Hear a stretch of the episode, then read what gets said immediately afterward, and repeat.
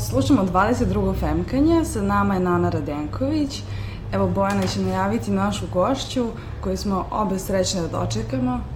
Uh, Nana Radenković, istoričar umetnosti, menadžer u kulturi, edukator i kurator. Uh, Nana, dobrodošla. Hvala. Um, danas ćemo pričati malo o kulturi, malo o kulturnim institucijama, malo o različitim projektima na kojima si radila i odlučili smo se zapravo da krenemo od samog početka. Ti si zapravo želela da krenemo od početka, od nekih prvih poslova koje si radila i prvih projekata. Um, Hajde onda da, da vidimo kako je to izgledalo kada si završila istoriju umetnosti ovde u Beogradu. Pa da, ja sam istoriju umetnosti završila davno 2001. godine i to je bila jedna ovaj, lepa godina s obzirom da se nije još navršila ni godinu dana od 5. oktobra. Postojala je neka specifična radosna atmosfera, optimizam, neka energija, luda i tada je prvi put da sam pomislila zapravo neću otići iz ovog grada, iako sam sve godine svog studiranja samo birala gradove u koje ću pobeći i ovaj, kad sam završila fakultet, prvi put sam osetila neku energiju i volju da zapravo ostanem ovde i osvestila sam činjenicu da ovde dosta stvari ne postoji, da neke stvari treba izgraditi iz temelja i da zapravo je možda to izazov. E, s druge strane, završivši ovaj, filozofski fakultet u Beogradu, osim sposobnosti da se za vrlo kratko vreme pročita knjiga od preko hiljadu strana, nisam mnogo toga znala. I ovaj, dovela sam u pitanje sobstvenu mogućnost da, da se zaposlim, naravno o tome sam razmišljala ranije, ali ovaj, sam htela nekako da nastavim školovanje, pa sam ovaj, igrom slučaja čula za e, program e, management u kulturi koji je tada bio zapravo prva, pr prva generacija e, koji, je, koji je nastao na rektoratu Univerziteta umetnosti I te godine se zvao Management u kulturi, medijacija na Balkanu i interkulturalnost. Učilo mi je jako zanimljivo i bila sam ovaj, uzbuđena što ću to upisati. To sam upisala uh, 2000 uh, drugi ili treći, više se ni ne sećam. U svakom slučaju, tih godinu dana sam se na neki način uh, premišljala šta ću i kako ću i radila sam neke sitne poslove vezane za marketing i tako učila. Ove, međutim, bilo mi je važno da upišem taj master i kada sam ga upisala, ovaj, uzbuđenje je bilo veliko, jer je tu bilo dosta studenta koji su došli iz celog sveta i nekako Beograd po prvi put nakon više od decenije zatvorenosti ovaj, se meni učinio kao grad koji ima neki potencijal.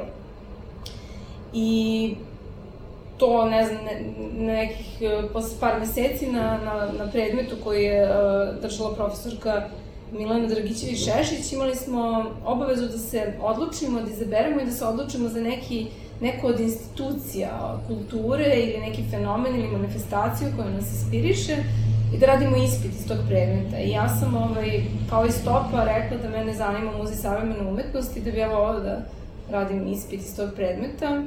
I tako je sve počelo. Ovaj, tako sam se ja ušunjala u tu zgradu, kao student smarač, kako se kasnije saznajem s druge strane, ovaj, e, e, kako bih rekla, ograde, u stvari šta, šta će... Šta to znači student smarač? Pa to znači da većina institucija, nažalost, u Srbiji nije otvorena ka mladim ljudima i to su se možda mnogi i uverili lično. Dakle, ja sam otišla tamo sa idejom da, da dobim neke informacije kako bi uradila svoj rad. E, niko se specijalno nije oduševio što sam ja trošila njihovo vreme postavljajući pitanja.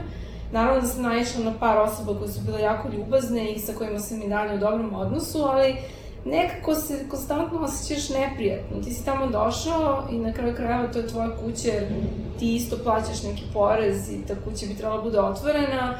Sad da pričam uopšteno, dakle da. ne govorim samo o tadašnjem muzeju savremene, nego tom osjećaju kad si mlad i kad hoćeš nešto i kako te dočekaju.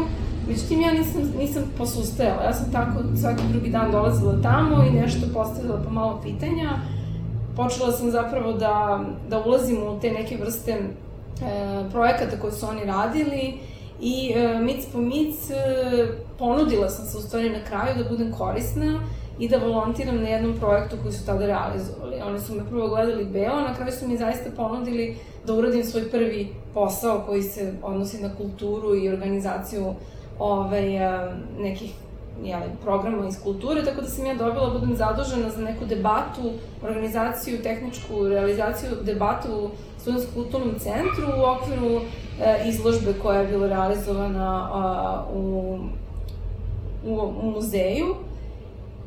I ovaj, to mi je bilo jako važno i lepo iskustvo. Uradila sam ispit, položila sam ga i prošlo neko vreme i posle par meseci sam bila pozvana od strane kustosa iz muzeja da m, mm, ovoga puta budem plaćena e, i da radim na nekom projektu koji opet, kako bih rekla, bio internacionalan i ovaj, e, zvao se Last East European Show, podrazumevao gostovanje raznih umetnika iz regiona, iz Evrope.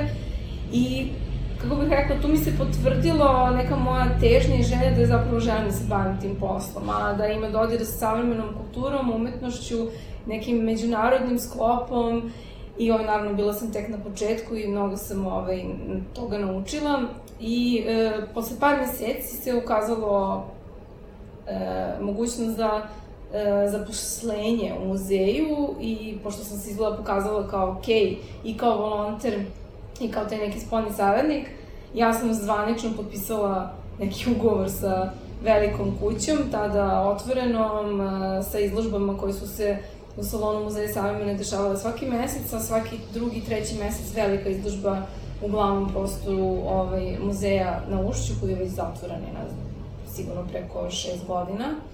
Ove, možda i više, više ne brojem godine, ali hoću da kažem, meni je taj početak bio jako važan i odatle mislim da se formirala i moja profesionalna i lična neka e, interesovanja. E, tu si radila 2005. godine, je li tako? E, da, radila sam e, intenzivno e, dve i po godine, posao je bio jako težak, zato što, kaže, kao što rekao, ima, tada je muzej radio u punom kapacitetu i onako kako zaista te institucije treba da radi. Ove, I naravno, nekako kada radi u punom kapacitetu, onda se dosta stvari svali na jednu osobu ili na dve osobe. Dakle, bilo mi je fizički naporno, a u jednom trenutku sam shvatila da mi ne prije. Dakle, prvog trenutka kada sam dobila, e, kako se to kaže, brief instrukcije za sledeću izložbu i kad sam ja preskočila biografiju umetnika i samo počela da brojim radove, koliko ekstera, koliko dana rada, shvatila sam da treba da se, da se zaustavim. Zato što sam prvi put preskočila sadržaj, a bavila sam se formom. Dakle, nekako imala sam utisak da sam preskočila, da sam prezupčila, kako da. se kaže, i da možda treba da napravim pauzu i da se zapravo malo zaustavim i da se opet vratim pravim razlozima zbog čega sam to krenula da radim. Mislim da, nažalost, mnogi ljudi koji su više godina u državnim institucijama tog ili nekog drugog tipa, e, vremenom izgube sposobnost da vrednuju ono zbog čega su tu došli, jer vas pregazi posao.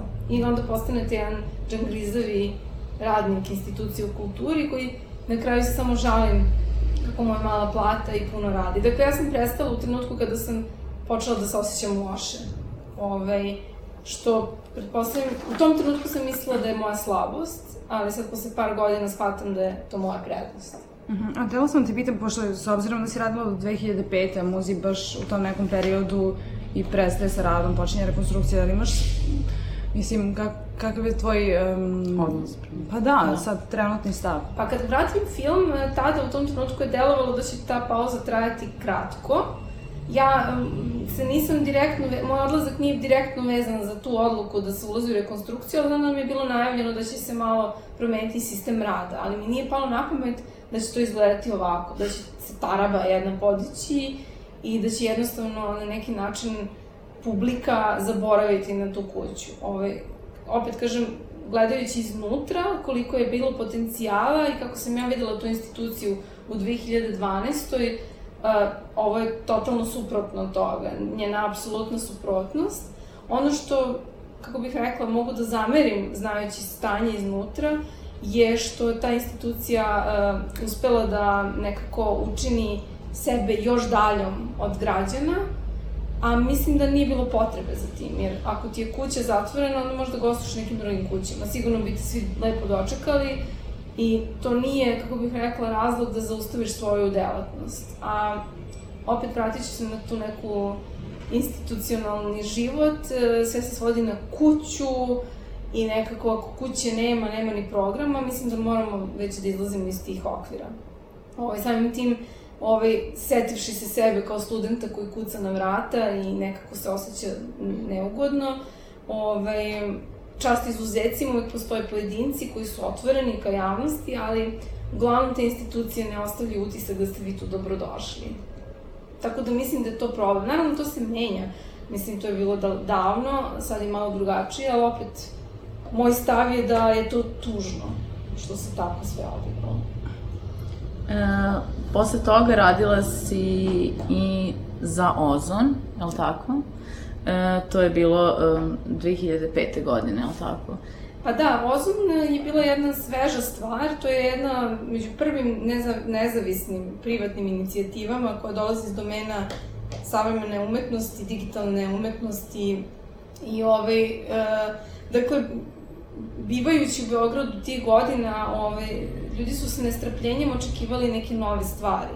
I tu su se već motali neki e, pojedinci i profesionalci koji su pokušavali da mapiraju Beograd kao vrlo zanimljivu stanicu gde bi mogli da niknu te uh, unofficial, neoficijalne uh, građanske inicijative. Bilo da su prostori, bilo da su kulturni centri. Međutim, to je i dalje bilo u domenu teorije, špeku, špekulisanja, razgovora, debate, što isto nije loše, ali u jednom trenutku su ljudi bili, neko bih rekla, ono, spremni da se već nešto desi. Tako da je Ozon u tom trenutku bio zanimljivo jedno, jedan, jedan događaj ovaj, koji, kako bih rekla, isto vreme će pokazati odlazi u nekom drugom smeru, što je sasvim legitimno jer mislim da je ovo veliki grad i ima prostora za razne varijante. Dakle, radila sam neku izložbu tamo vezano za neki drugi projekat, pa sam se upoznala sa celom ekipom, pa sam radila jedno vreme kratko na, na jednom e, segmentu njihovog programa. Isto je bilo zanimljiv period, bilo je dosta stranih izložbi, e,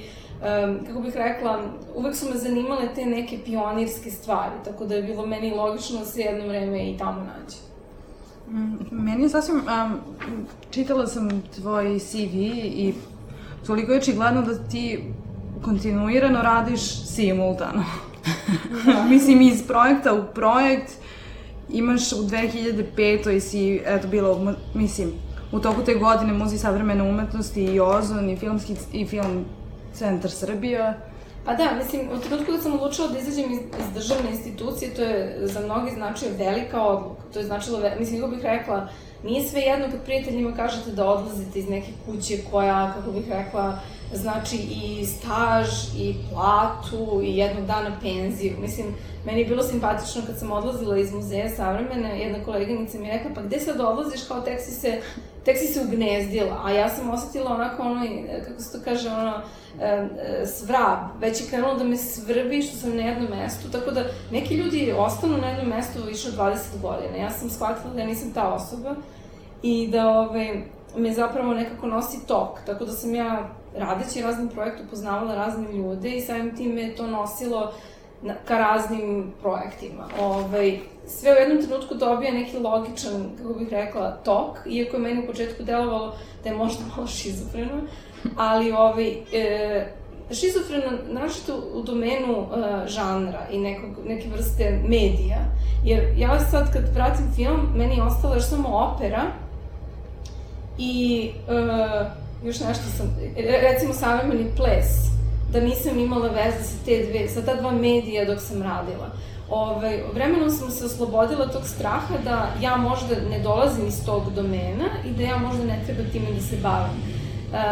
Primer za to je što sam prihvatila u jednom trenutku da radim u Filmskom centru Srbije, koji u tom trenutku je tek nastala kao institucija, formira se, ima velike ciljeve, velike neke planove i ovaj, bila sam pozvana da, da budem menadžer menadžer, međuna, mislim da je međunarodnih odnosa, projekata iz domena međunarodnih odnosa, ja sam prvo odbila tu ponudu, rekavši da ja nisam studirala film, da ja, osim što volim da gledam film, nemam ništa, nikakvo znanje o tome. Međutim, uh, ekipa koja me pozvala, oni su rekli da njima treba zapravo moj, uh, da se to kaže, moj uh,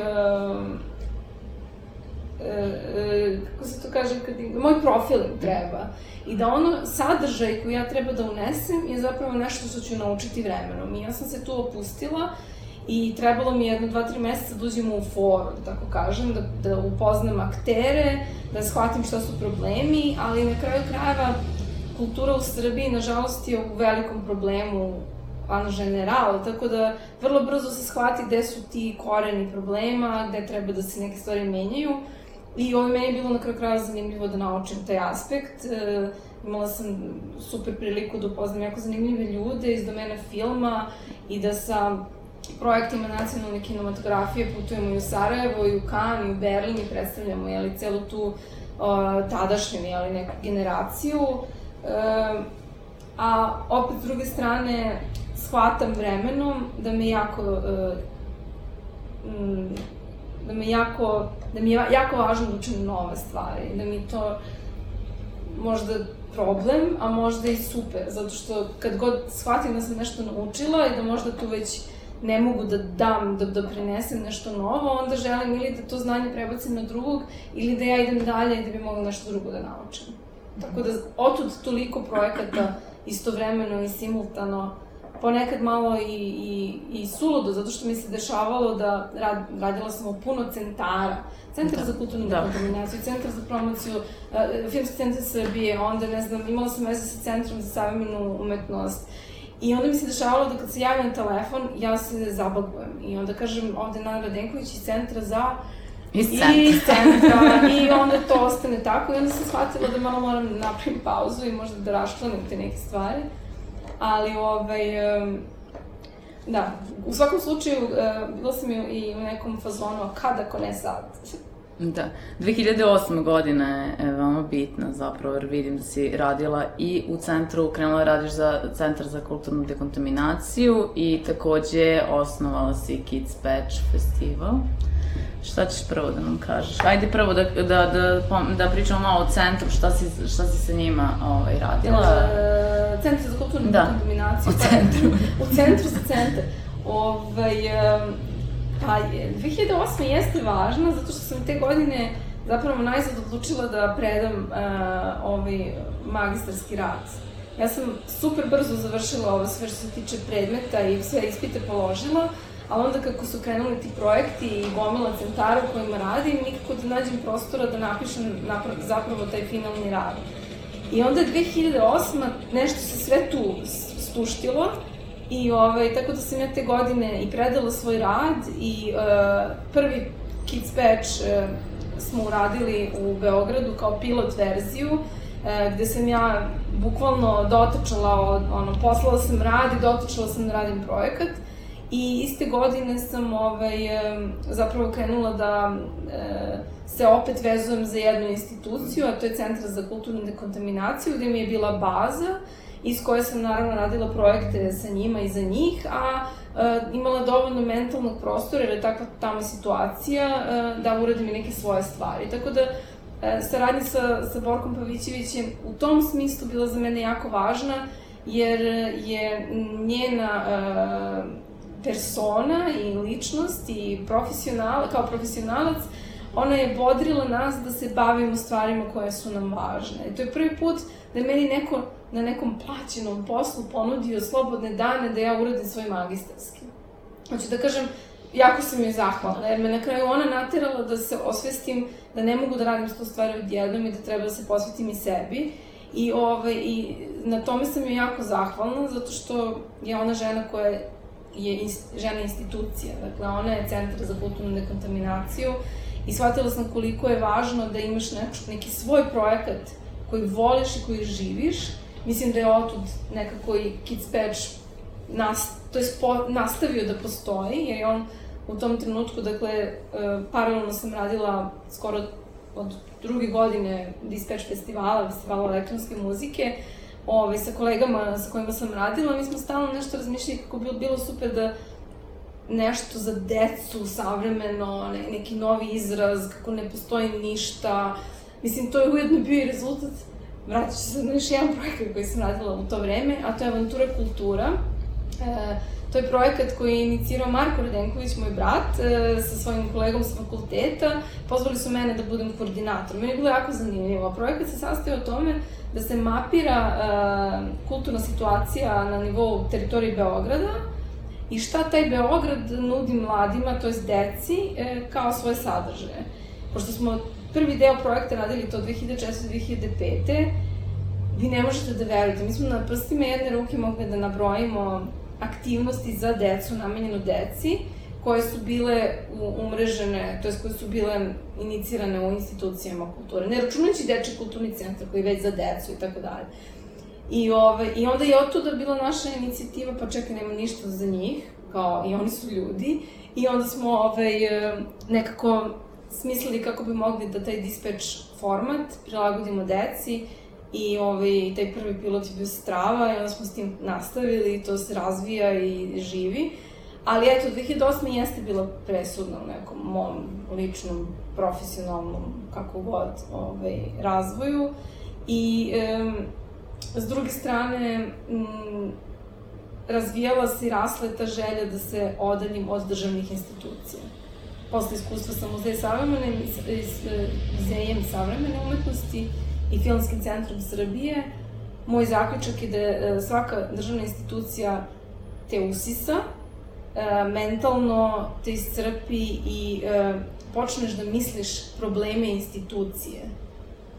Prestaneš da budeš čovek normalan. Da. Nekako, toko te usisa ta atmosfera, taj jedan mikrokosmos, E, da vrlo teško možeš da se posle posle ili u nekom svom slobodnom vremenu izađeš iz tog diskursa. To mi je onako činilo mi se jako naporno. A, htela sam da te pitam, pošto imaš sad iskustvo iz prve ruke za institucionalan um, vođenje kulturne politike unutar institucije, ako uopšte možemo to tako da nazovemo, ali ti kao koordinator eventova si sigurno imala priliku da utičeš i u, ako poredimo i institucionalnu i nezavisnu scenu, koje bi bile glavne razlike koje ti primećuješ? E, pa glavne razlike su u opstajanju i, i tom nekom uh, samoodrživosti. Ja mislim da nevladin sektor, uh, ono što sam iz njega ponela je uh, da su svi ti ljudi, opet kao, neću da generalizujem, ali sarađivala sam sa mnogim nevladinim organizacijama, svi ti ljudi su jako vredni, jako uh, posvećeni svom poslu i žive taj, taj posao. Dakle, oni izjednačavaju svoj život i, i posao i vrlo često direktori tih nekih organizacija ili inicijatori ili menadžeri tih e, kuća, oni žive za taj projekat ili za tu organizaciju i onda rade razne poslove. Oni su i međunarodni konsultanti, oni pišu projekte, oni su i kustosi, oni su i PR-ovi, i raslojavaju svoju ličnost na više nivoa. I tu sam na, naučila da jedna osoba može da radi više od 7 stvari istovremeno i da bude sve okej, okay, dok u državnim institucijama sa sve onim e, pravilnicima o radu i defini, definisanim, kako se to kaže, nije u opisu mog posla, vrlo često se desi da ljudi nisu skloni da rade stvari koje nisu u opisu njihovog posla. Tako da, jednostavno bi definisala jednu kao strukturu, a drugu e, strukturu koja funkcioniše, a drugu strukturu koja ne funkcioniše. Obe imaju svoje negativne i pozitivne strane mislim da i svaki bi mogli uzeti po nešto i napraviti jednu novu strukturu koja bi zapravo funkcionisala, po mom mišljenju, dobro. Eto, tako bi nekako možda nevešto objasnila, ali e, institucije, e, kao što rekao, su specifične i teško je generalizovati, ali m, ono što je meni problem je kada gledam neku emisiju ili kad sedim sa nekim ljudima za stolom, ako se sedi jedna osoba iz nevladinog sektora, sedi jedan samostalni umetnik i sedi direktor institucije, svi će na isti način kukati o problemima koje imaju. E, imam utisak da se u Beogradu, a i Srbiji e, ne, ne, ne pravi ta osnovna razlika u tome kako i na koji način je kodotiran, na koji način radi i koje su obaveze prema građanstvu. Jer jednu, jednu odgovornost ima institucija koju mi dotiramo kao budžet, budžetski građani, druga je ova na koju je li pojedinac i tako dalje, a imamo utisak da se nekako razvodnilo i svi imaju pravo da kukuju na isti način i svi imamo iste probleme. Sve dok ih ne imenujemo i ne kažemo da, ovo su problemi u okviru ovoga, ovo su problemi u okviru ovoga, mogu da...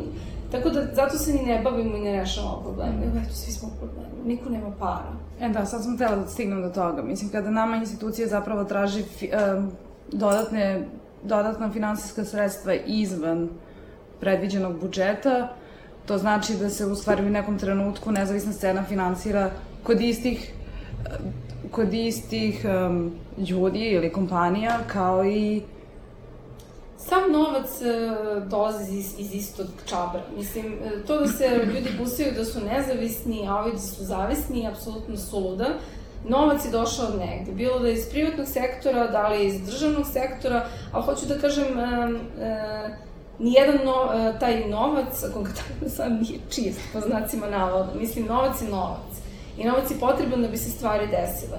Ono što nije potrebno je, na primjer, uh, dosta ljudske energije i uh, podele odgovornosti i možda nekog ekonomičnijeg raspodele tih sredstava je moguće uraditi. Ali imam utisak da svaka institucija i organizacija želi ipak da bude kosmos za sebe i da na neki način podmiri svoje potrebe, sve dok je njima dobro, drugima ne mora da bude dobro. Mislim da je ta solidarnost na nivou kulture, organizacije, bilo da su institucije ili nevladine organizacije, e, jako velika. Nesolidarnost me tišti i mislim da, da zbog toga što se ne deli među nama i mi postajemo sve džangrizaviji i nesrećniji i sa manje volje za rad.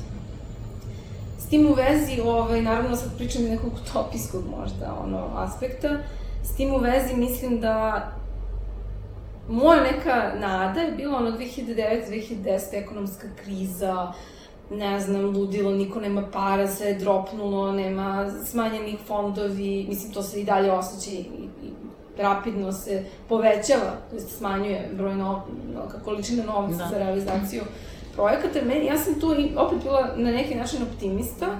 Pomislila sam, čekaj, možda će u ovom uh, realnom, sada stvarno pravoj krizi, kao vidi se, ono, osetno je, da se možda iskristališe kvalitet i da se izdigne na neki način uh, kvalitetnija neka produkcija, uh, drugačiji način promišljenja, da će na neki način da otpadnu neke stvari koje možda i nisu u mogućnosti da postoje nadalje. Da, dakle, nemaju onaj aspekt samodrživosti, preispitivanja, jer vratimo se na, na neki, kako bih rekla, prav početak, jako malo organizacija preispituje sobstvenu delatnost, nego je datost. Mi postojimo, mi treba da dobijemo novac. Redko ko sedne i kaže, ok, osnovali smo davne 1960, ne znam koje, tad smo radili to, umeđu vremena smo radili to.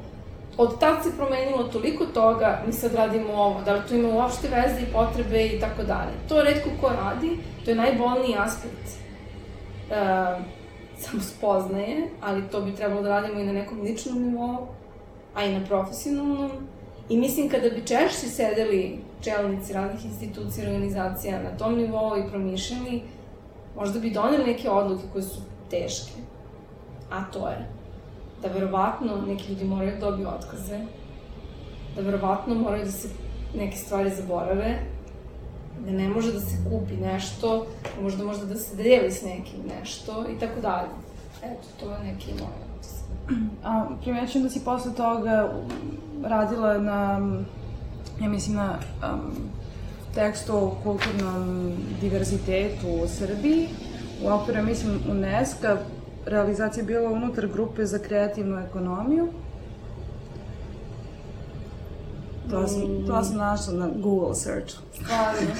A ne, to da, je moguće deo projekta nekog e, u kojem smo mi učestvovali kao e, projekat iz Peč, sad mi pada na pamet da je to u pitanju, jer vremenom e, projekti na kojima smo mi radili, nas par, ovaj, su se predstavili kao primjeri pozitivne prakse i onda su nas uvrštavali u razne publikacije, što lokalne, što regionalne. Ja sam iskreno najponosnija na uh, uh, objavljivanje u publikaciji izdanja Gestalte, nemačke izdavačke kuće, i to je knjiga koja se zove Learn for Life.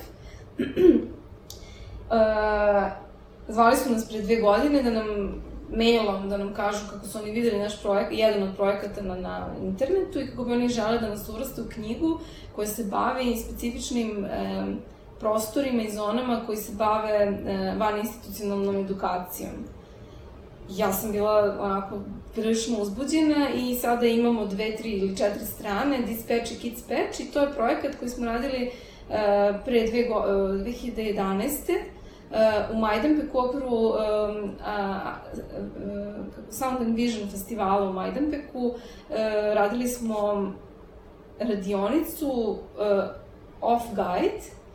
To je projekat koji je inicirao Relja Bobić, inače je inicijator Disperš festivala, a projekat se sastoji u tome da se okupi e, grupa autora, bilo da dolazi iz domena fotografije, ilustracije, videa, poezije, i da e, borave na određenom lokalitetu i da ga na određeni način e, predstave kroz jedan guide, kroz jedan vodič koji naravno ima taj prefiks off. I, ovaj, I onda smo u Majdanpeku radili e, vodič kroz um, rudarsko-tehnološko nasledđe, dakle, taj jedan mrtvi deo grada i, ovaj, i bilo jako zanimljivo jer je cela radionica bila postavljena pored jednog jezera, e, da nije bilo struje, ni vode, ni ničega, znači mi smo napravili jedan kreativni kamp, doneli e, agregat i uključili laptopove, skenere i radili u prirodi. Ovaj, tako da je ceo taj ambijent za učenje i rad bio van serijski, a onda smo m, par dana kasnije radili radionicu sa klincima iz osnovne škole u Majdanpeku. U njihovoj školi postoji bazen koji je prazan od 80. godina, koji je uništen i razvaljen i onda smo mi unutar bazena radili radionice. I naravno te fotografije izgledaju spektakularno, ali ja to ću da kažem, e, zanimljivo je kada ne stižeš od rada da se baviš promocijom sobstvenog rada i onda te neko tako random nađe na netu i ne znam, te stvari su po mom mišljenju vrednije od novca i onda nekako kompenzuješ to, ne, to nematerijalno i materijalno se nekako spoje, ne znam. Hajde malo da pričamo o Kids Patchu, pošto Kids Patch i dalje funkcioniše. E, e, započet je 2008. godine. Koje su, koje su glavni ciljevi Kids Patcha? i temelji na kojima počiva? Pa, mi smo te ciljeve i temelje vremenom gradili. Dakle, mi smo uh, se vrlo uh, nekako kako bih rekla, bez ikakvog prethodnog iskustva i rada s decom, mi smo uleteli u jedan vrlo kompleksan svet a to je rad sa decom. Ovaj, I mislim da je, u početku sam imala onako možda dvojbe da li to tako treba da se radi, ali pošto je prošlo neko vreme i imamo neke feedback i imamo mogućnost da evaluiramo, shvatam da to bio odličan način, jer smo baš zbog toga što nismo dolazili iz domena rada s decom, pristupili njima mnogo intuitivnije i kreativnije, čini mi se, i uh, nismo sebi stavljali nikakve neke preterane ciljeve. Više smo ostavili kao jednu otvorenu formu u kojoj ćemo mi da vidimo šta se tu dešava. Vremenom smo shvatili da u toj otvorenoj formi mi mnogo učimo, od dece naročito, i da je zapravo e, poenta naša želja je bila da e, smanjimo jaz između kreativaca i dece i da tu komunikaciju učinimo što direktnijom, što e, neposrednijom i što opuštenijom. Ove, tako da, m, mm, e, vodili smo se naravno nekim primerima dobre prakse iz, iz inostranstva, tako da smo mi napravili jedan format koji izgleda ovako, recimo, da, da mi pozovemo neke goste umetnike iz inostranstva, koji već rade nešto s decom, manje više, ili su zainteresovani za taj rad, i onda oni kreiraju neku radionicu, paralelno mi pozovemo lokalne umetnike, koji istovremeno imaju priliku su poznani s tim umetnicima koji rade s decom, da vide kako oni rade, da oni predlože neki format rada s decom, bilo da je iz domena, otko znam, videa, fotografije, animacije, arhitekture, mode, radili smo iz raznih domena i uh, formiramo neke vrste kreativnih laboratorija uh, gde deca imaju priliku da nauče nešto novo, a isto tako da svoje znanje upotrebe da kreiraju jedan projekat zajedno sa umetnicima i na kraju posle dva dana rada, ovaj, oni to mogu da zajedno prezentuju publici i onda to budu ili koncerti ili izložbe ili projekcije i tako dalje. Dakle, mi, nama je bio cilj da deci da pružimo mogućnost da prođu kroz kreativni proces i da imaju rezultat na kraju, a da kroz taj proces upoznaju umetnike i vide na način na koji oni rade.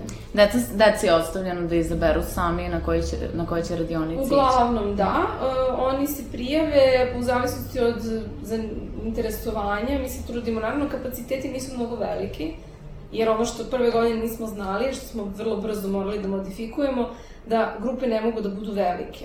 Mhm. Iako bi mi primili preko 100 dece, to jeste, može tako, ali to ne može da bude kvalitetan rad. Niti oni mogu da urade nešto što je normalno, niti mogu da komuniciraju e, dobro, tako da smo morali da smanjujemo grupe e, kako bi se kvalitet rada i uslovi rada poboljšali.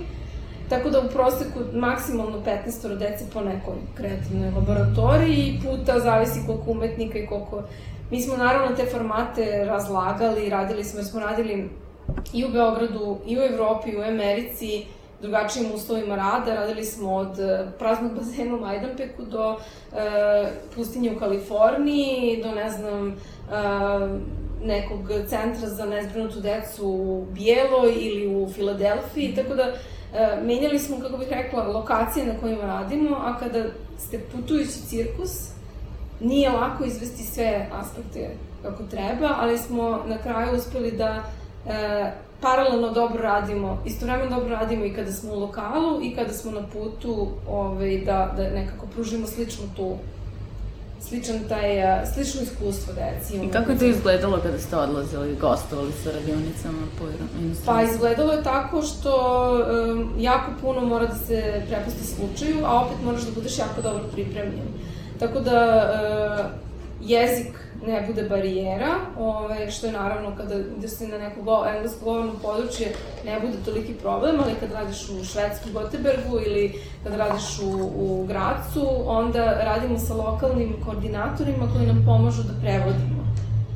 I onda oni zapravo sa nama zajedno samo uvode decu u, u neku vrstu aktivnosti. A izgledalo je super, mislim, kako bih rekla, družeći se s decom na, ono, bukvalno celoj planeti, shvatiš da su oni ispred nas, žive svoj trenutak, spremni su da sarađuju i jako puno im je, mislim, vole kada se nekako radi neki konkretan rad, kada nije nešto što je tako sve jedno. I super je sarađivati s njima, ovaj, opet generalizujem, ali Počeli smo pre dve godine da sarađujemo i sa školom za e, decu ometenu razvoju na Banovom brdu. I to je meni bio izazov, pošto sad evo radimo s decom i kao to je to. Kad nas je pozvala e, psihološkinja te škole, čula je za nas da dođemo da se igramo s njima. Ja sam rekla, ja i moji saradnici mi smo spremni, ali mi možda ne znamo da radimo s tom decom opet mi je ona nekako nas opustila i rekla da ćemo videti da je to jako lako i da će nam oni pomoći. Mislim, mi smo se posle toga njima javljali sami i želeli da idemo tamo da se igramo, zato što je to specifičan jedan odnos, e, neposrednosti podignut na viši nivo, ljubav na još viši nivo i komunikacija koja možda pomislit će neko gledajući sa strane otežana, zapravo uopšte nije. Tako da, e, jako je važno pobuditi u sebi dete kada si sa decom i e, grupirati se, da tako kažem. I ono što je deci jako važno da u tom grupiranju se zapravo uradi nešto jako ozbiljno. Jer i deca su danas preopterećene, idu na violine i na engleski, imaju gomilu tog van nastavnog nekog Aktivnost. neke aktivnosti, tako da nije ni njima lako da se opuste i da rade nešto što nema nikakve veze sa školom.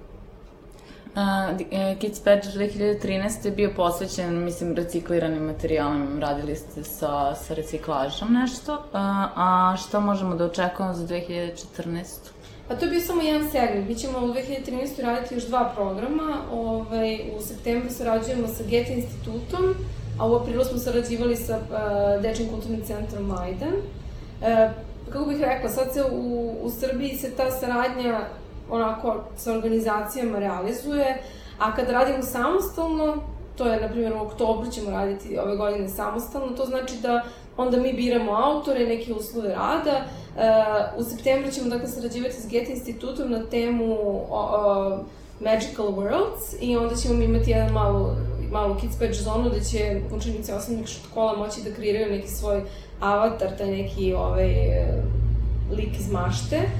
A u oktobru ćemo da radimo te radioničarske formate, de, autorske zapravo, gde će umetnici davati ovaj koncept, sarađivat ćemo ponovo sa uh, audio, uh, audio uh, pionirom, kako bih rekla, dečije, ovaj, dečijih radionica Lukom Toj Bojem, sa novom jednom radionicom koju ćemo, on će kroz saradnju sa Dušanom Rajićem, ovaj, vizualnim umetnikom, decom istraživati malo grad i snimati neke zanimljive zvuke i fotografisati, a imat ćemo još par radionica iz domena mode, a boga mi i možda kulinarstvo.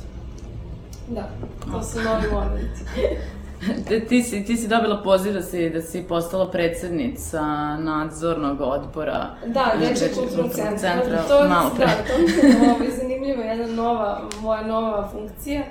Um, pa ne znam, mislim, evo, malo pre sam pričala kako uporno pokušavam da se odeljim od državnih institucija, ali me nešto vraća nazad.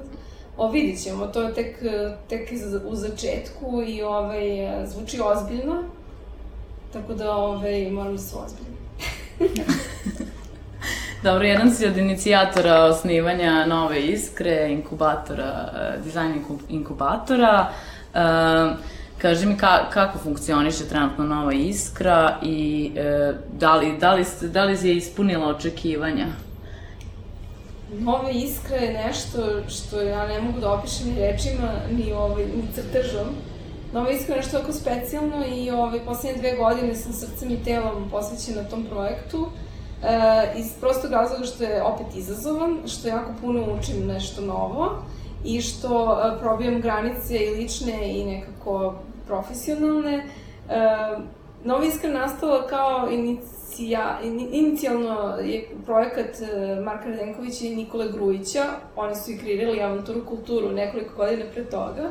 Ali je super kako su razmišljali. Dakle, oni su kretali od problema.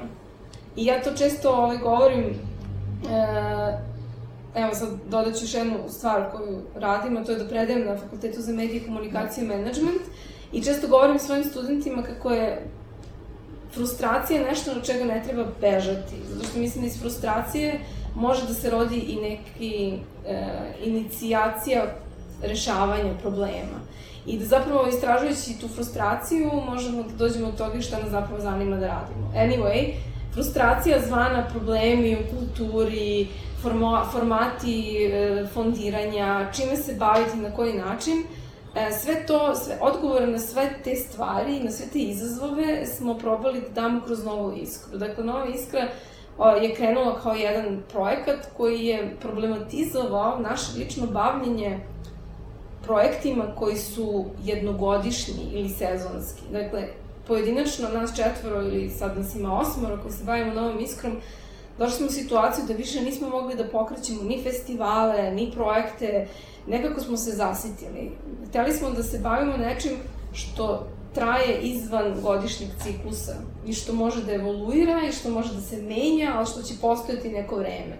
Tako da Nova Iskra sa svojim konceptom koji u sebi sadrži samo održivost i uh, konstantno preispitivanje, mi na svakih šest meseci preispitujemo ko smo, šta smo, čime se bavimo, onda konstantno uh, nadograđivanje i, uh, kako bih rekla, uobličavanje i nepostojanje striktne forme koju nismo namerno teli da joj damo i nepostojanje neko vrste strukture organizacije koja je bi se očekivala, dakle ne postoji direktor, account manager, ništa, nego postoje radne grupe i pojedinci koji vode te grupe.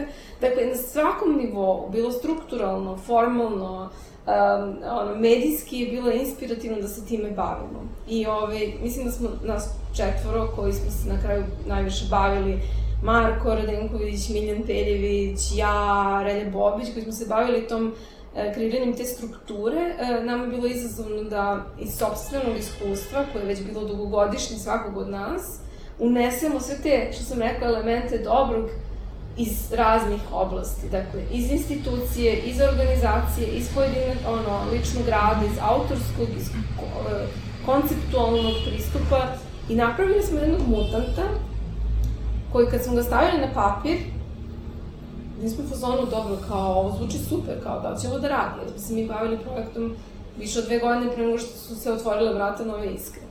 Međutim, kako je krenulo, ovaj, ja sam, imali smo prvi javni uh, događaj 2011. u martu, kad smo objavili projekat i da će se on desiti 2012. 2011. 2011. Dobro, ovaj, ja sam nedelj dan nakon toga videla na nekom blogu da se nova iskra otvora u Brooklynu. Ali bukvalno od A do Š isto potrebe, mm. lokalne zajednice, kreativaca, e, ne, i onda sam bila kao, čekaj go. U svakom slučaju, mi nismo izmislili toplu vodu, mi smo iznutra krenuli od problema i onda smo ga nekako uh, globalno sagledavali. I ovaj, uh, hteli smo da, da, da inkorporiramo te neke lokalne probleme i da njih promišljamo na jedan globalni način.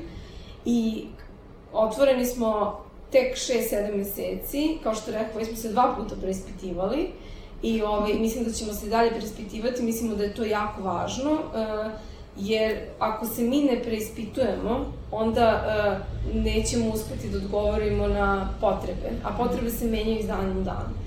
Tako da Nova Iskra je strava i dalje je u pokretu i dalje je beba ovaj, i dalje prohodala je i sve je to super, ali hoću da kažem, mi se najviše bavimo i smo na umrežavanje i regionalno, internacionalno, e, proširili smo tim, tu su sad i Minja i Kristijan i Neda i ovaj, mladi ljudi koji su, jeli, tek izašli s fakulteta i koji imaju neko svoje radno iskustvo, ali nadamo se da će iz ovoga izvući još više nekog inputa da jednog dana rade nešto svoje ili da još nešto dodaju novo iskri.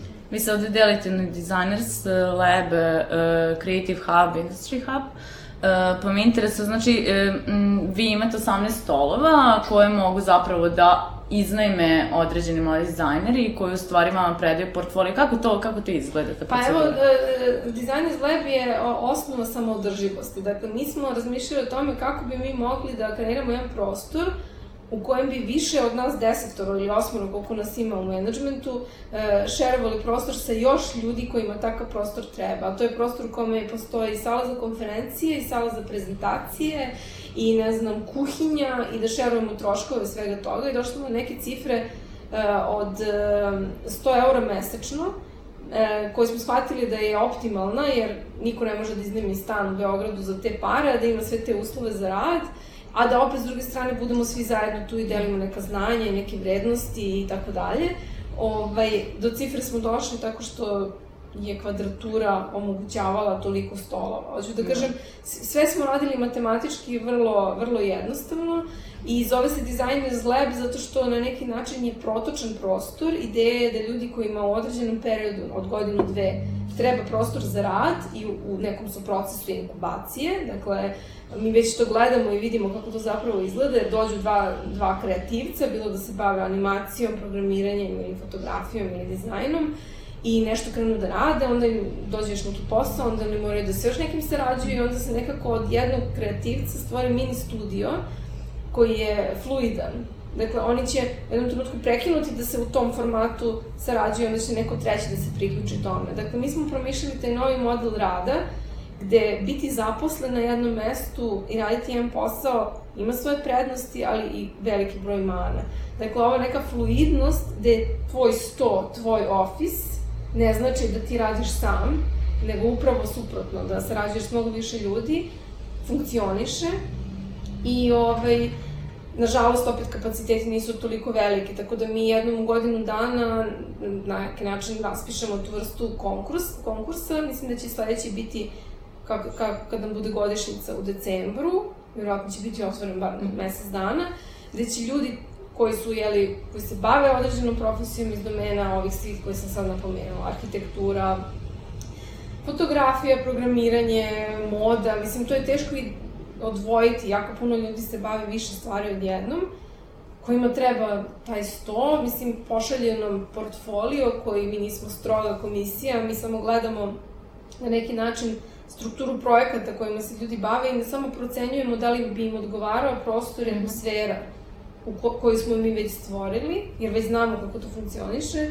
Do sad nije bilo nikakvih, kako bih rekla, problema. Ono što, mm, ono što mi vidimo kao neku vrstu e, nije problem, nego izazov, je što ljudi često ne mogu da ostanu u prostoru mm. godinu dana ali mi to podržavamo jer znamo da pojedinac će ili upisati doktorat ili se zaposliti negde ili e, tako da mi u toku godine imamo s vremena na vreme još neke sto prazna, a to ne možemo da unapred najavimo. Da. Nego kad ga imamo, onda mi objavimo da je prazan sto.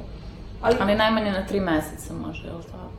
Pa jeste, da, na tri meseca, međutim od jeseni ćemo uvesti nove modalitete, tako da će pojedinci kojima treba sto na nedelju dana, Dakle, bit će neki novi mod, modaliteti iznajmljivanja tog radnog prostora. Zašto? Zato što nam se ispostavilo nakon mesec dana rada da su krenuli ljudi da nas nalaze na netu i da dolaze stranci koji su u Beogradu, kojima treba sto na nedelju dana, koji su tu dve nedelje, Tako da smo se mi snalazili tako ad hoc, ali mislimo da sada ćemo imati taj format koji je legitiman, da kažem, i znači se cenovnik i kad je koji prazan. Tako da od jeseni objavit ćemo to naknadno ovaj, i to će funkcionisati. Ono što je lepa vest, što će se uskoro otvoriti još ovakvih prostora, saznajemo iz, iz izvora, mislim uskoro, narednih par meseci. U Beogradu? U Beogradu, da.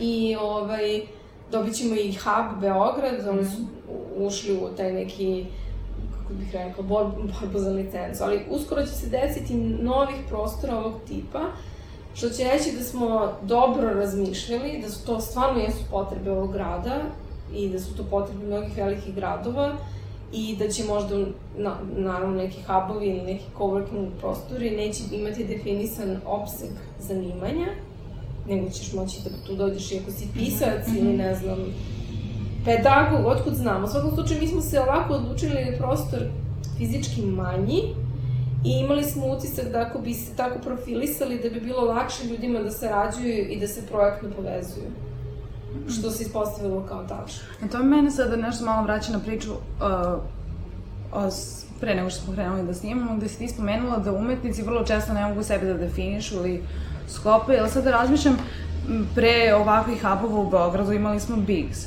Mislim, ljudi su dolazili iz različitih profila, bili u jednoj zgradi, svakako su se upoznavali i sarađivali, ali sada imamo zapravo jedan menadžerski projekat za rad u okviru različitih oblasti, pa sam htela da te pitam kakav je tvoj odnos kao, mislim, kakav je tvoj stav kao menadžera u kulturi, pošto se već u toj, u toj meri time baviš? Pa, e, naš stav je takav, moj stav je takav da e, smo to mogli da shvatimo tek nakon što smo počeli da radimo. Dakle, šta smo shvatili?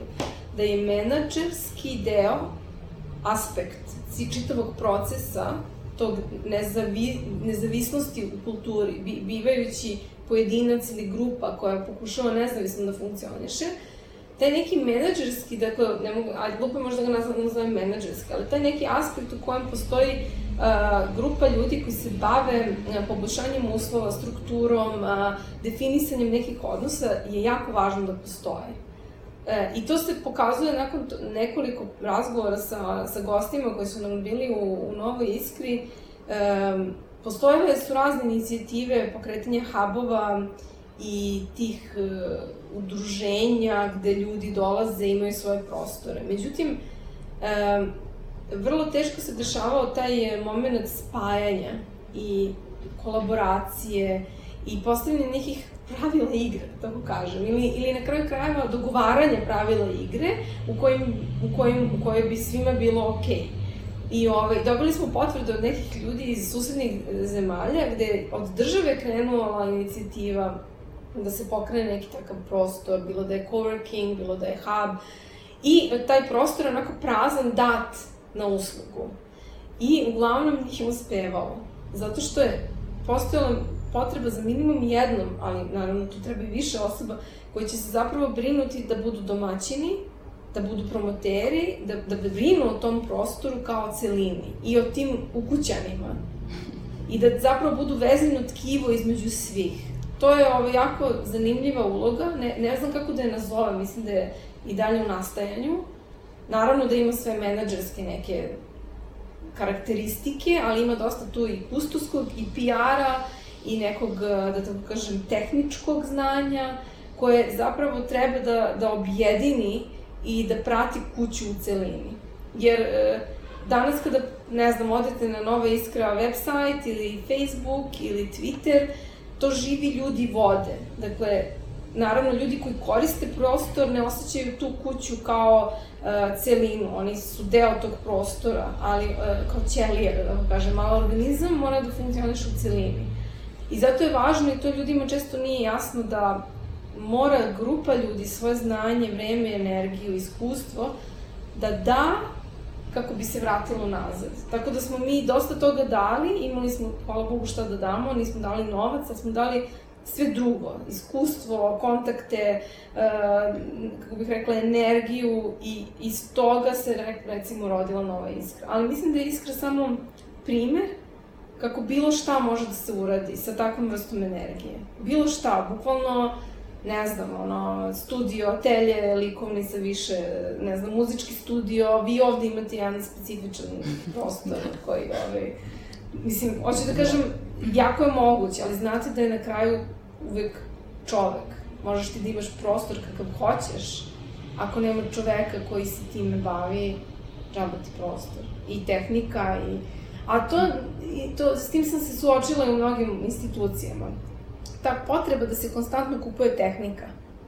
Nova tehnika, nova tehnika, nova oprema, nama treba oprema. Ako ti nemaš dobrog tehničara koji će to sve da poveže i da brine o tom video bimu ili bilo čemu, to će da stoji na nekom fundusu i za dve godine će taj video bim ili bilo šta već da ishlapi i neće biti naj, najnoviji model.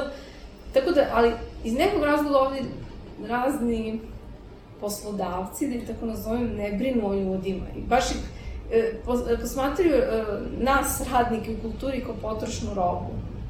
I kao sve jedno je ko će ti, ako ti nećeš s time baviš, baviš se neko drugi. Ali to je, mislim da je osnovni problem. Mislim da neko ko stvara i ko kreira i ko je vezan za neki prostor ili za neke ljude, važno je da se neguje i da taj neko prenosi svoje znanje na nove, ali ne da se menjaju ljudi konstantno u nedobre. Mislim, malo sam otišla, digresirala sam.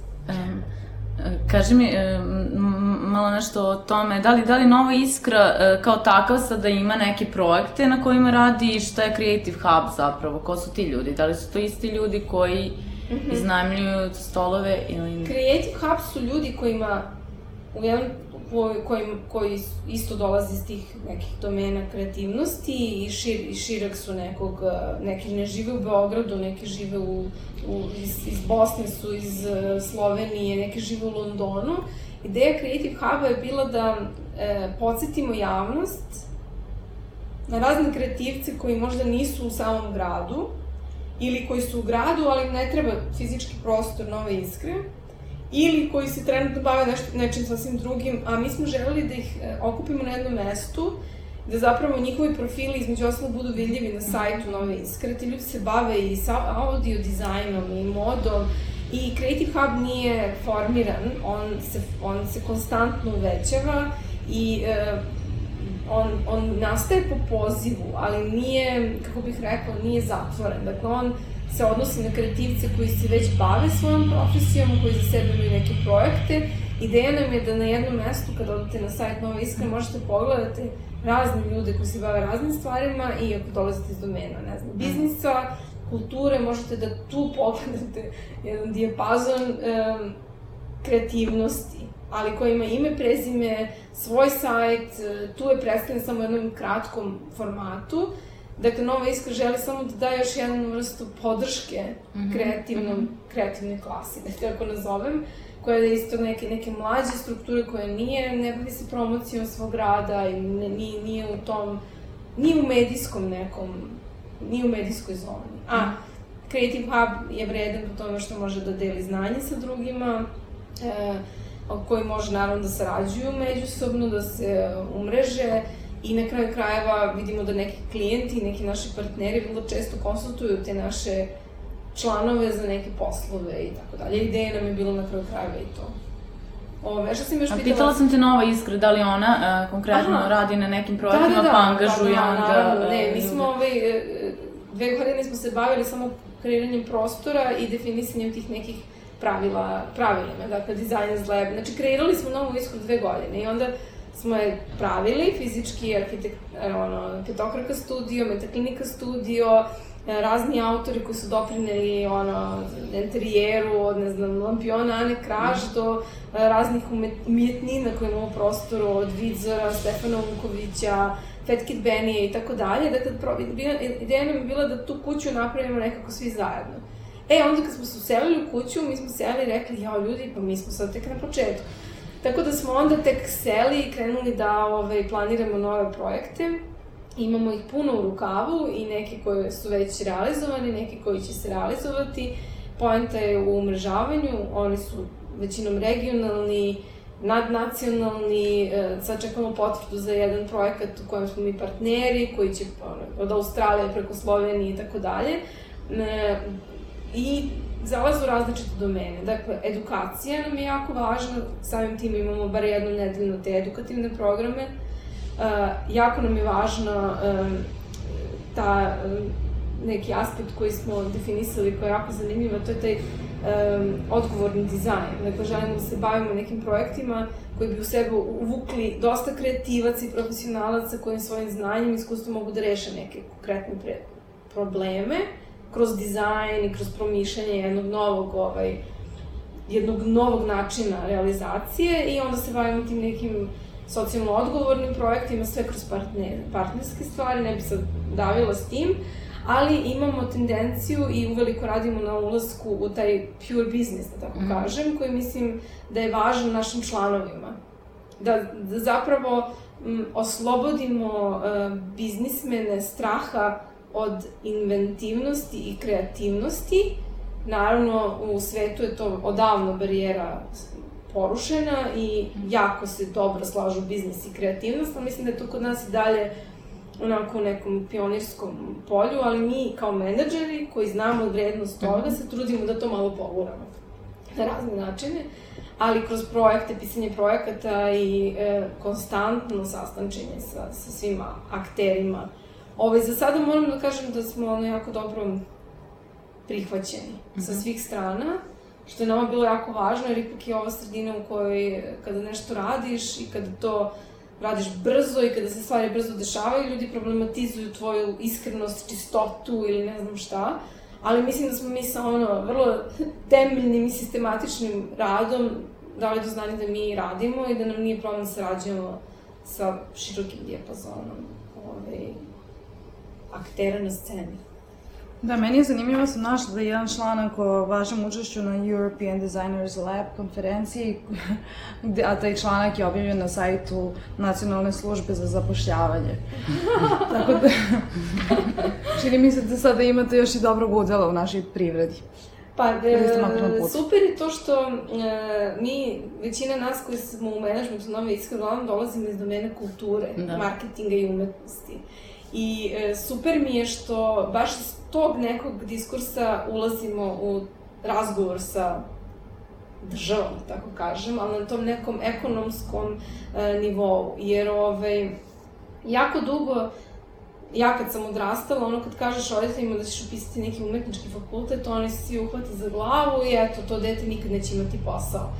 To je apsolutno absurdno, jer naravno da primjeri u svetu pokazuju da to uopšte ne mora da bude tako. Ja ću kažem, nama je jako zabavno da opet budemo deo tog pionirskog poduhvata, iako je to davno već završeno negde u, u svetu i ulazi u domen ono neoliberalne, neke kapitalističke priče, mi smo i dalje, e, kako bih rekla, daleko ne, nismo tu, ali možda i dobro što nismo tu, jer ćemo mi možda uspeti da uđemo jedan, da kreiramo jedan sobstveni sistem koji će možda da opet uzme najbolje iz nekih stvari koje su se pokazale koje da ne funkcioniš i tako dalje. Ali ajde da ne, ne odlazim ovaj, predaleko. Um, oči su uprte u novu iskru iz nekog razloga, zato što ovaj, očigledno ljudi moli stalo da nešto proradi.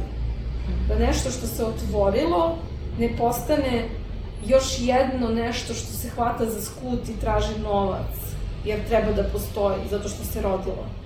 Hoću da kažem, to je onako hiperproduktivnost ovde i, i, i projekata i ideja je veliki, ali mi moramo da zalaufamo da to proradi, da, da nekako krene, da bude koliko toliko samo održivo i da u sebe uvlači nove aktere i da tu pokrenemo mašinu.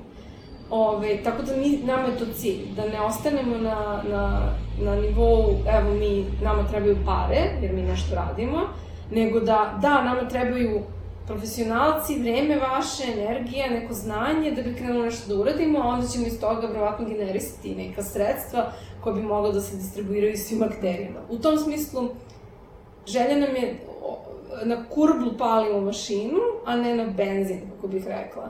Jer znamo -hmm. da mhm. može i tako, jer će raditi, samo da krene da radi da bi mogla da vozi, u stvari. To, to nam je ideja. Odgovorni dizajn u samoj strukturi. A i već da. u startu nekako čini mi se da su, da su gomila, imate jako puno sponzora koji su verovatno prepoznali potencijalom ovaj. A to je super, da. mislim, kad, kad se pogleda spisak naših sponzora, svi su fazonu malako, ja vam vi imate podršku, ali ljudi ovde ne shvataju da bi ti dobio podršku nekoga, ti moraš da budeš ozbiljan, odgovoran i uh, savestan. Neće neko tebi da da sredstva, niti bilo šta na tvoje lepe oči. I to su, mnogi ljudi koji su krenuli nešto da rade, znaju da je to užasno teško. Čak se često odlučuju da ni ne traže ta sredstva, jer znaju šta to podrazumeva. E, kad se uđe u naš prostor, više od e, 80% svega što vidite u našem prostoru je sponzorska donacija. Dakle, mi smo ušli u projekat Nova Iskra imajući samo 25% sredstava da se projekat desi. Ali mi nismo rekli da nećemo raditi jer nemamo ostalih 75, nego smo ostalih 75 nadomestili kroz partnersku uh, uslugu ili servis ili proizvod. Pa, na primer, Samsung nam je dao tehniku, ne znam, sad, mislim, glupo što sad izgovaram, ali evo, druga neka ne, kompanija... Nemamo cenzuru, tako da. Pa ne znam, neko, više kompanije nije davalo, je davalo ono što imaju kao svoja, svoje proizvode da. sa kojima smo mi uspeli da zatvorimo prostornu konstrukciju. Dakle, opet, vraćam se na početak. Često ljudi odustanu od svog projekta jer nemaju novac, a neki put je usluga, e, znanje, vreme nečije koje isto može da se meri u novcu važnije nego da dobiješ novac. Što će zna, znati gomila ljudi koji se bave projektima i da, ne znam, neko, od nekog pozajme kameru, neko pozajmi svoje vreme da to montira ili da snimi i tako dalje. Da, htela sam samo da se vratim još na početak.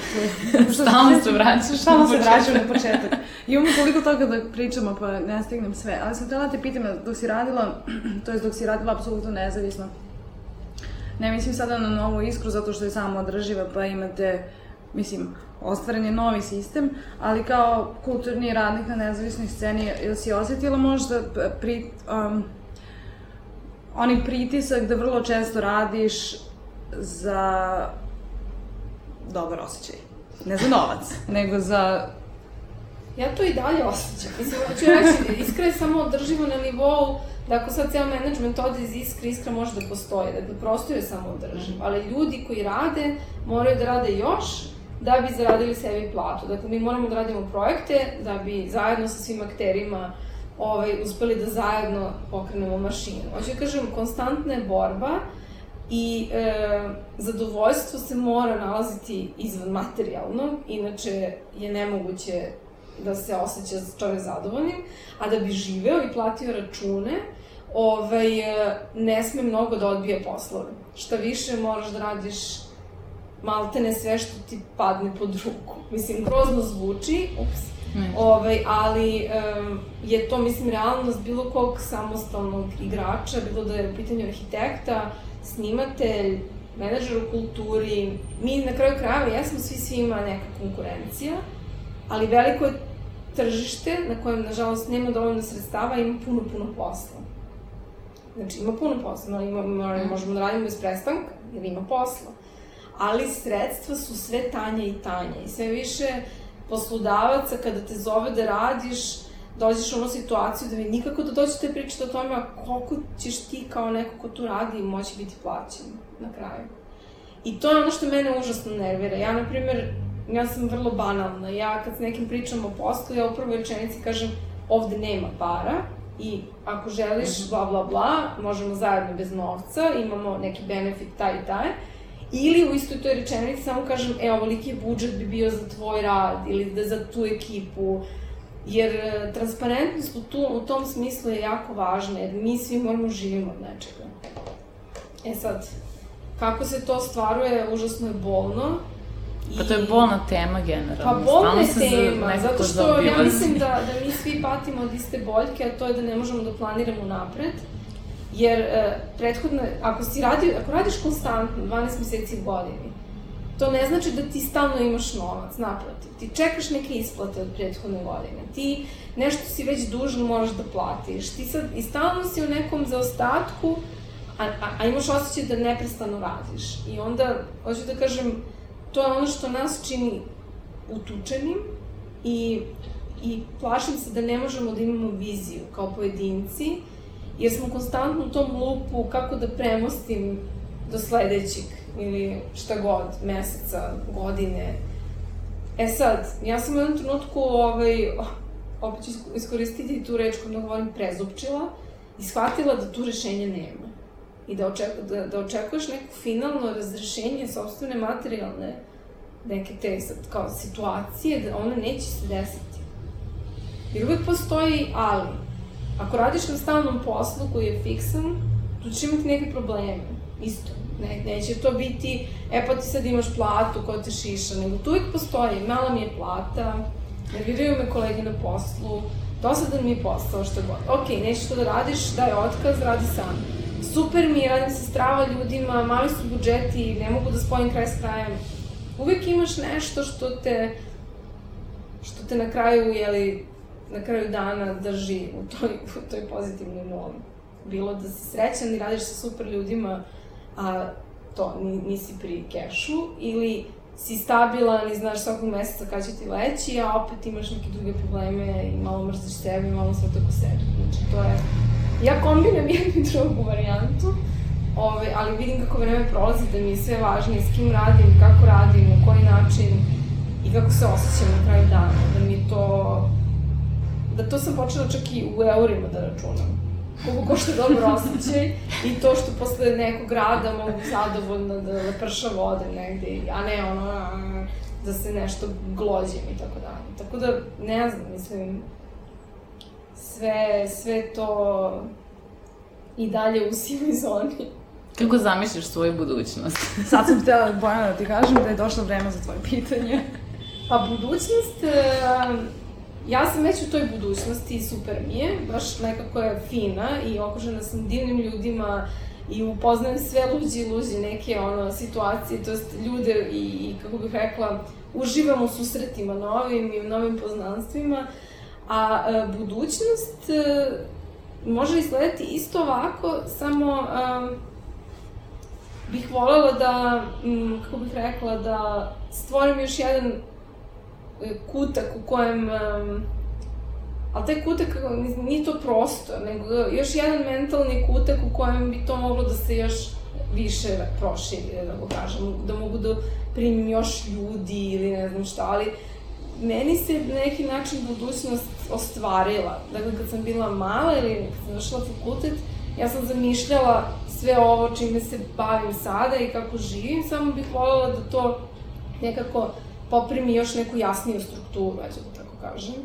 Ove, a neki planovi, onako profesionalni, kao u fazonu sam to, nova iskra se stvara i gledam kako raste i deo sam toga i užasno uživam u tome i na, na tom nekom znanju i iskustvu bih voljela za koju godinu možda da stvorim jedan taj kids patch, lep mm -hmm. prostor, koji bi funkcionisao na nekom sličnom principu, koji bi se bavio tom van nastavnom nekom edukacijom, koji bi deci omogućio da se bave stvarima koji zanimaju i da možda postanu deo možda jednog dana kurikuluma i film i video i muzika i elektronika. Nekako želim da se tim aspektom više bavim, ali iz ovih sličnih pozicija, na isti neki način kalup. I ovaj, no, bit će neke dece, bit će još životinja, bit će još prijatelja, tako, tako zamišljam to, gomila ljudi. Ti predaš na predmetu managementu kulture, je li tako? Da, strategije, management u kulturi i strategije promocije projekata u kulturi. Šta, šta, šta, kakve savete daješ najčešće studentima i e, kakav je sad tvoj odnos prema tome u odnosu na to šta si imala na svojim osnovnim studijama? Pa zavidim im. Ja zavidim svim tim studentima koji danas studiraju, zato što mislim da imaju neke specifične uslove koje mi nismo imali. Opet, s druge strane, ne zavidim im jer je konkurencija mnogo veća, novih zanimanja je sve više. Da li postoji mesto za sve njih? Nadam se da da. Bodrim ih da promišljaju svoje ideje i da budu upoznati sa tim nekim konkretnim problemima. Pa pričam isto ko što s vama da. pričam. Da. Ono, nemam neki ex katedra poziciju, dosta diskutujemo, pitam ih za njihovo mišljenje, a s druge strane, ovaj, e, trudim se da im kažem sve što ih čeka, a onda opet kažem na kraju, dok oni ne uđu u košte sa svim tim, ne može niko da im objasni šta njih čeka. Tako da kombinujem malo teorije, malo prakse, malo plašenje, malo smenja, ovaj, ali pričam dosta iz sobstvenog iskustva, možda više od 80%. I e, bodrim ih da imaju svoje mišljenje i da kroz neke moje primere nečega što ja volim lično i poštujem, što vrlo često ne priliči možda profesorima, bodrim ih da izađu iz ono, get out of the box mm -hmm. i nekako se ponovo vrati sebi i kreće to morati da urede kad tad. Da bi saznali ko su i šta su, moraju što pre da krenu da kopaju po onome što su bili kad su bili mali. E, I za kraj, da li si izdvojila nekog ženskog autora iz sveta muzike? Pa da, razmišljala sam ovaj o tome ja, i sad pokušala sam da, da da budem originalna, šalim se, ovaj, ne, odmah mi je pala na pamet Kim Gordon, ovaj, Sonic Youth meni je označio neko moje odrastanje, opet Sonic Youth grupa, dakle nije ženski autor, ali ona ima dosta udela i jaka je ličnost bila u bendu i sad ima neke svoje solo projekte i autor je brojnih meni omiljenih pesama Sonic Youth-a. Ovaj, ja sam prvo pitala smem više autora, ali pošto sam dobila odgovor da je jedan, eto, to je moj odgovor. Kim Gordon je jedna specijalna žena, ovaj, koja mislim da nekako odražava ne, neke moje ovaj, afinitete kao muzici. Tako je divlja i pitamo isto vreme. e, šta ćemo slušati od nje? Pa, recimo Teenage Riot bih voljela da počne ovaj, da završimo sa, je počnemo da završimo sa Teenage Riot Sonic Youth. Hvala Super. ti puno, slušali Hvala, ste 22. Femkanje, čujemo se sledeće nedelje. Hvala vama na divnim pitanjima. Ćao.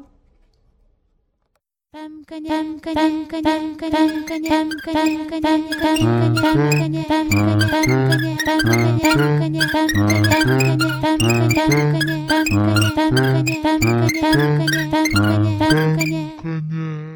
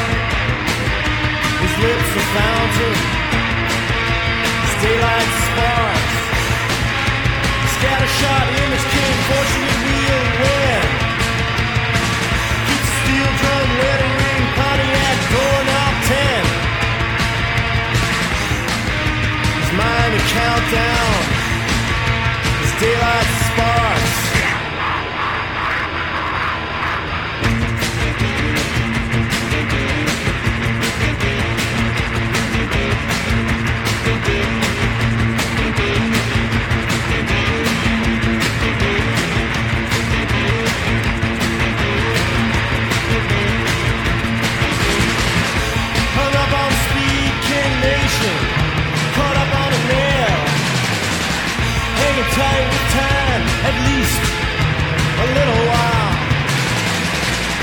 Your sister is a beauty when she's naked, like my kid. Out here in this world, cruel world, dreaming of a pitchfork kiss.